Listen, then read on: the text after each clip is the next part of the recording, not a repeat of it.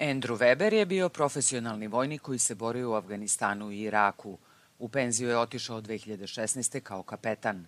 Diplomirao je pravo na Univerzitetu Northwestern u Čikagu i počeo da radi kao međunarodni korporativni advokat.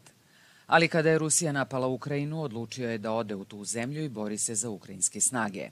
Poginuo je u julu 2023. u regionu Donjeck. Imao je 40 godina. Andrew je prezirao Putina i njegov režim i vjerovao je da je ta invazija najveća prijetnja demokratiji ovdje i u inostranstvu i osjećao je potrebu da ode. Lance Lorenz je takođe ubijen u Donjecku. Bio je 28-godišnji mitraljezac. Tri godine je služio u Marincima i dobio je medalju za borbu protiv terorizma i druga odlikovanja. Volio je Ukrajinu, želio je da bude njen državljan nakon završetka rata nije želio da se vrati kući. Stotine Amerikanaca prijavilo se za borbu u Ukrajini, a najmanje 30 je ubijeno, navodi organizacija Bezbedni prolaz do Ukrajine. Ostali su ranjeni i vratili su se kući da se leče, ali planiraju da se vrate u borbu. Među njima je i vojnik koji nije želeo da otkrije svoj identitet.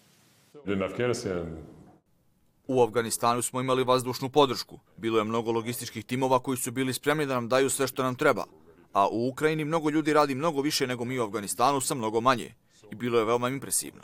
Porodice svih tih boraca došle su u američki kongres da pozovu njegove članove da nastave pomoć Ukrajini. Sin Willow Andrews Cooper, bivši marinac, poginuo je boreći se u Ukrajini u aprilu 2023. Ako je 24-godišnjak mogao da vidi šta se dešava u Ukrajini i odlučio da se žrtvuje, šta se dešava sa ostatkom rukovodstva u ovoj zemlji? Posetu delegacije Vašingtonu organizovala je fondacija Veterman. Htjeli smo da okupimo sve te ljude. Prvo da se oslonimo jedni na druge i stvorimo osjećaj zajedništva za ove ljude. Samo da se ne bi osjećali tako izolovano.